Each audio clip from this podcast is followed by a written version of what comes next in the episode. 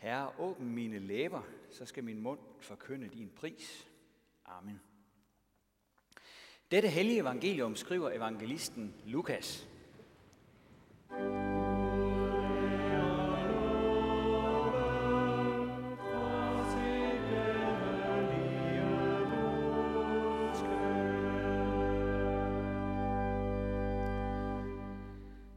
Jesus sagde også, at en mand havde to sønner.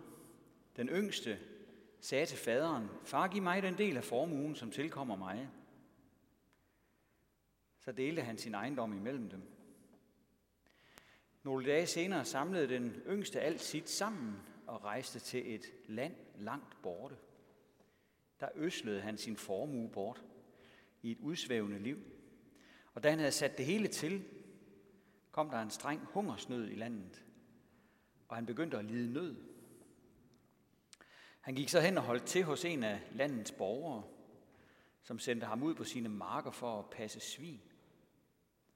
Og han ønskede kun at spise sig mæt i de bønder, som svinene åd. Men ingen gav ham noget. Der gik han i sig selv og tænkte, hvor mange daglejere hos min far har ikke mad i overflod, og her er jeg ved at sulte ihjel. Jeg vil bryde op og gå til min far og sige til ham, far, jeg har syndet mod himlen og mod dig. Jeg fortjener ikke længere at kaldes din søn, men lad mig gå som en af dine daglejere. Så brød han op og kom til sin far. Mens han endnu var langt borte, så hans far ham. Og han fik medynk med ham og løb hen og faldt ham om halsen og kyssede ham. Sønnen sagde til ham, far, jeg har syndet mod himlen og mod dig. Jeg fortjener ikke længere at kaldes din søn. Men faderen sagde til sine tjenere, skynd jer at komme med den fineste festdragt og giv ham den på. Sæt en ring på hans hånd og giv ham sko på fødderne. Og kom med fedekalven, slag den og lad os spise og feste. For min søn her var død, men er blevet levende igen. Han var fortabt, men er blevet fundet. Så gav de sig til at feste. Men den ældste søn var ude på marken. Da han var på vej hjem og nærmede sig huset, hørte han musik og dans, og han kaldte på en af karlene og spurgte, hvad der var på færre. Han svarede, din bror er kommet der. Din far har slagtet fedekalven, fordi han har fået ham tilbage i god behold. Der blev han vred og ville ikke gå ind. Hans far gik så ud og bad ham komme ind. Men han svarede sin far, nu har jeg tjent dig i så mange år, og aldrig overtrådt et eneste af dine bud. Men mig har du ikke givet så meget som en kid, så jeg kunne feste med mine venner. Men din søn der, som har øslet din ejendom bort sammen med skøger. Da han kom, slagtede du fede kalven til ham. Faderen svarede, mit barn, du er altid hos mig, og alt mit er dit. Men nu burde vi feste og være glade, for din bror her var død, men er blevet levende igen. Han var fortabt, men er blevet fundet. Amen.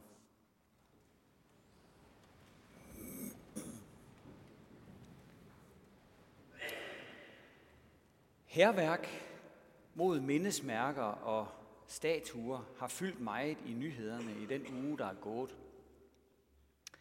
De, der har væltet dem eller overhældt dem med maling, har ønsket ligesom at slette bestemte personer af historien, fordi de har handlet på en måde, der ikke kan accepteres i dag. Det giver sig selv, at det bliver et stort arbejde at slette erindringen om dem, der for måske flere hundrede år siden ikke levede op til flertallets normer i 2020. Men det forsøger man altså. Nu er det jo et stort emne at tage fat på, og vi, skal, vi kan nok hver især komme i tanke om en diktator eller to, som har en statue stående et eller andet sted, som vi gerne så fjernet. Alligevel er det tankevækkende, hvor nådesløse demonstranterne er over for de generationer, der er faldet for nutidens dom. Det er som om man med den største selvfølgelighed smider den første sten. Som om man ser sig selv som ganske uangribelig og pletfri. Og uanset hvad de gamle berømtheder ellers måtte have udrettet af godt, så bliver de af deres livshistorier fordømt og smidt i havnen. På det skønne maleri, som vi har foran os i dag, ser vi en øh, anderledes reaktion over for sønderen, der har trådt ved siden af. Nemlig den, som vi hørte om i Jesu fortælling lige før. Billedet er malet af Bartolomé Esteban Murillo. Han stammede fra Sevilla i Spanien, hvor han var søn af barberen, dog uden at have noget med operaen at gøre. Murillo levede midt i 1600-tallet, hvor barokken dominerede malerkunsten. Han malede mange smukke billeder med både bibelske og lokale motiver. Og ikke så sjældent smeltede det bibelske og det lokale sammen, for i barokken, der malede man gerne de bibelske historier ind i samtiden. Derfor er personerne på billedet der også klædt som det bedre borgerskab i Sevilla, og omgivelserne ligner slet ikke en landsby i Mellemøsten. Det hele foregår tydeligvis i et pænt kvarter i en spansk by i 1600-tallet. Til gengæld er det tydeligt nok, at selve situationen er hentet direkte fra Jesu fortælling om den fortabte søn. Sønnen er ikke fortabt længere, for på billedet er han nået helt hjem til sin far igen. Og her bliver han ikke mødt med hævn. Selvom hele hans historie skriger til himlen, tager hans far kærligt imod ham.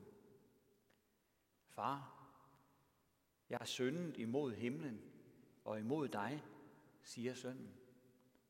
Og det passer.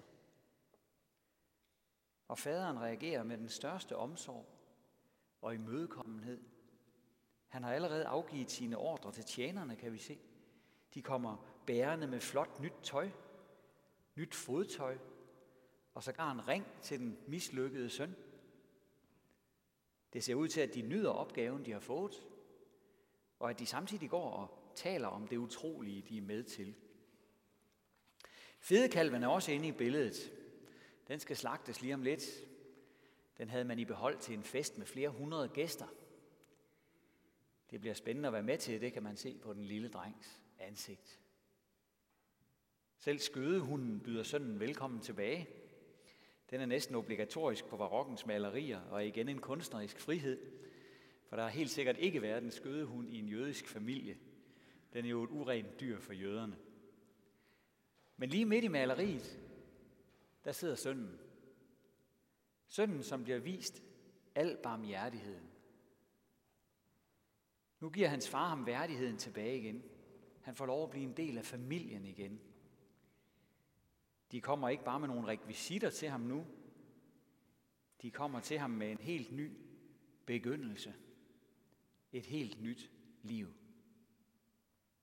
Han havde troet, at han nu skulle til at betale tilbage på en håbløs gæld som løsarbejder. Men han bliver indsat som søn af huset igen ved en stor glædesfest. Derfor er hans øjne også fyldt af håb og taknemmelighed. Og læg mærke til, at han har sat den ene fod i gulvet. Lige om lidt, så rejser han sig for at tage hul på sit nye liv. Maleriet har en historie. Det er malet på bestilling af Lægbroderskabet i Sevilla. Det var sådan en slags øh, kirkelig forening, som borgerne kunne være med i. Der var stiftet for at sikre, at tiggere kunne få en anstændig begravelse. Altså en velgørende forening, der hjalp de fattige. Senere fik øh, foreningen flere gode formål. Blandt andet byggede man et hospital for de fattige. Og det er det hospital, som maleriet her er malet til. Det indgår i en serie af billeder, der blev bestilt til hospitalets kapel. Billedserien skulle minde om forskellige gode gerninger over for de fattige. Og maleriet her med den hjemvendte søn skulle motivere til at give tøj til dem, der trænger til tøj.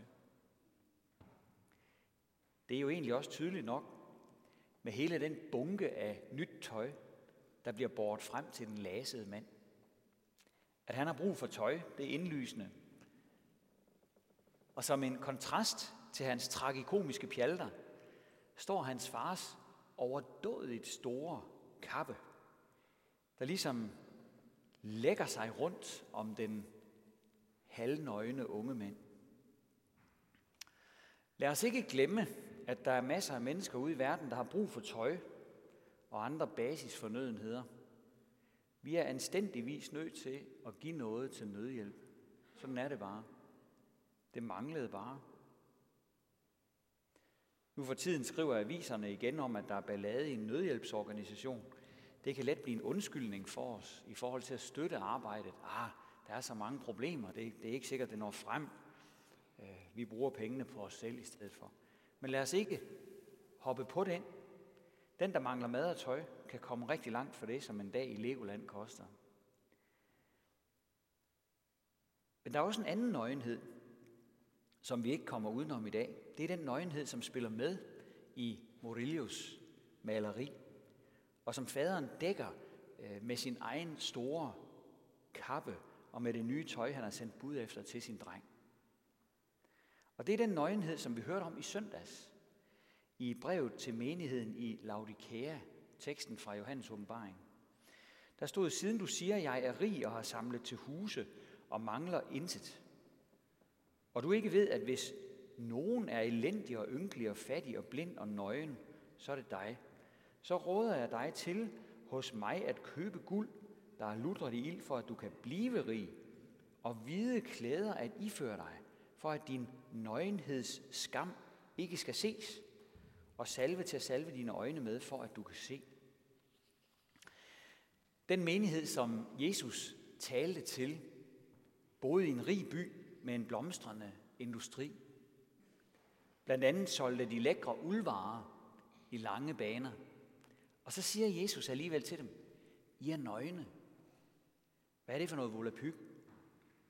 Og han siger, at han er den eneste, der har det tøj til dem, der kan dække den nøgenhed, som er deres problem. De hvide klæder, siger han. Jesus havde ikke nogen tøjforretning. Det handlede ikke om en fysisk nøgenhed, men det handlede om en åndelig nøgenhed. En skamfuld situation, som vi står i over for Gud, og som Gud selv vil hjælpe os ud af ved at give os løsningen som en foræring.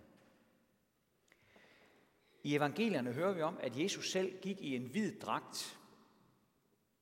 Det var så vidt vi ved den eneste luksus, han tillod sig.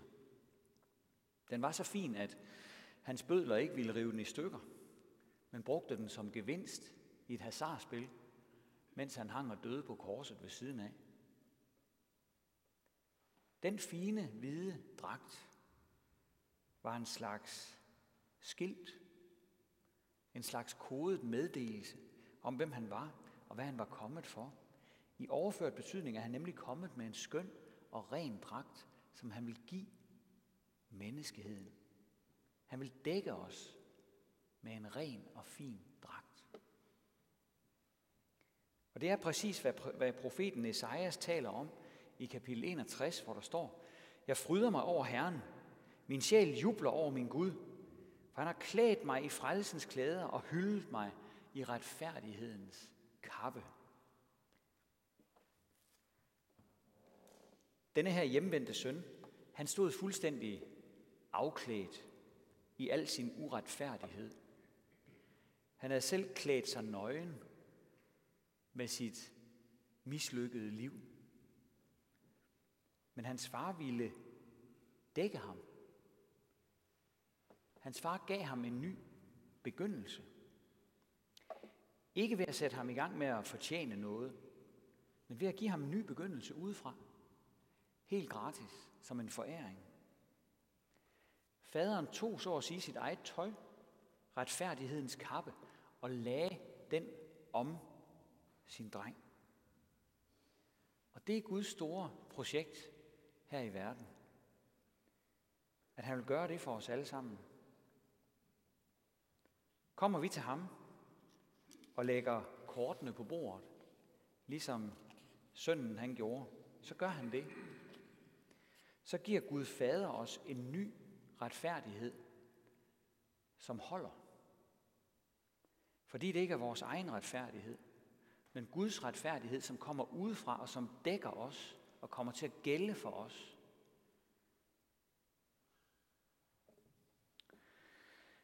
I dag efter gudstjenesten, der skal lille Frederik døbes. Og den øh, hvide dåbskjole er et billede på den nye situation, den helt nye begyndelse, som Gud giver os for tabte sønner og døtre i dåben. Det nye liv, som er en gave, livet som barn i Guds familie, barn i Guds hus. Læg mærke til, hvor fint Murillo har afbildet den lykkelige far. Han har rakt hænderne ud mod sin søn, så mange gange uden resultat, som vi læste det i en af teksterne tidligere i dag. Men nu har han ikke en tom favn længere. Hans søn er vendt hjem. Til sidst, hvor er den ældste bror på billedet? Ja, han er selvfølgelig ikke med, for han var jo ude på marken, da han hørte lyden af musik og dans og fest. Og så ville han ikke gå med ind. Han anklagede sin elendige, hjemvendte bror, der var trådt så meget ved siden af. Og mens hans bror fik det nye festtøj på, var storebror vel i gang med at finde maling frem eller gøre klar til at smide ham i havnen. Men det fik han ikke lov til. I stedet mindede hans far ham om, at han selv var akkurat lige så elsket som sin bror, og at han hele tiden havde levet af den samme barmhjertighed. Så han havde meget at lære, og det har vi også. Ære være faderen og sønnen og helligånden, som det var i begyndelsen, så også nu og altid og i al evighed. Amen. Og lad os rejse os og med apostlen tilønske hinanden, hvor Herres Jesu Kristi nåde, Guds, vor Fars kærlighed og Helligåndens fællesskab være med os alle.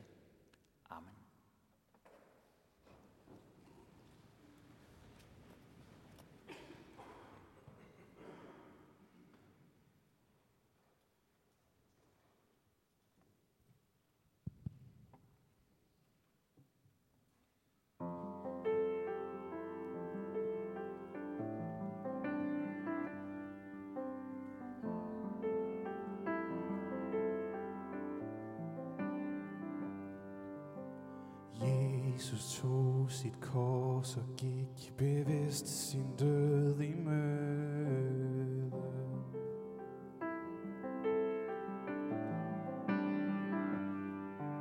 Han vidste mange vil gå fri, hvis det var ham, der døde.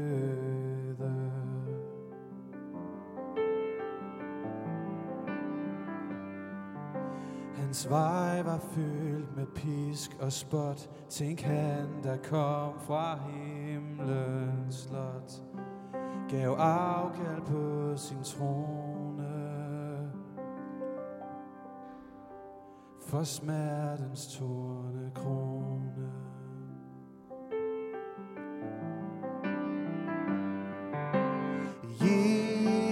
Jesus,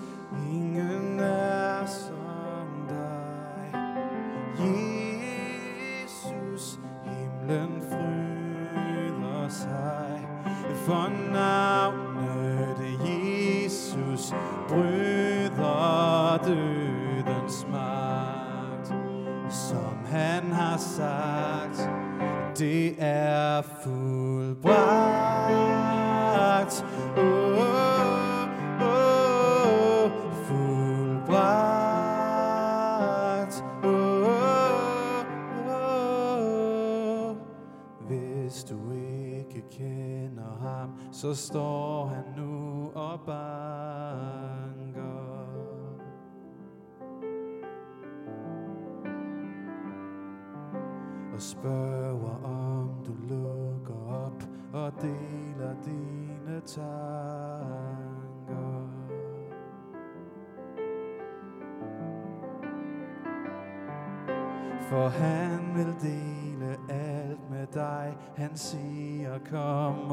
og hos mig. Jeg skænker dig en krone. og deler himlens trone.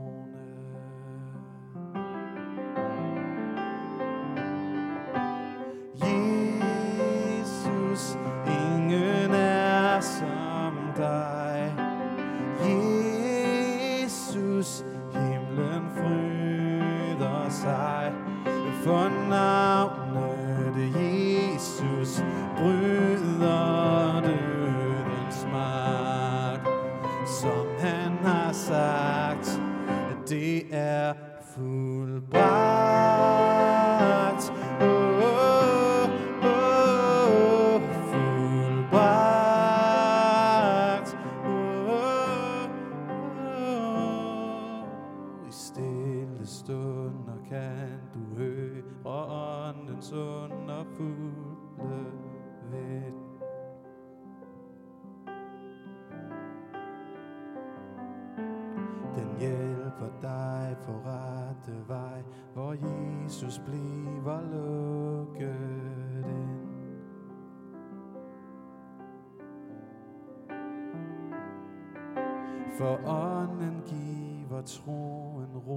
Så du kan smile trygt og tro, at alt er blevet givet.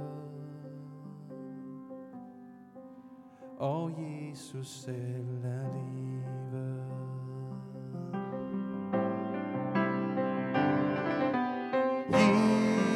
Jesus, ingen er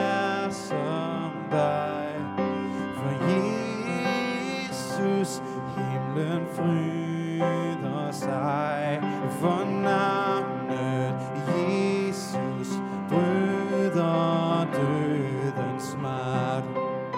Som han har sagt, det er fuldbragt.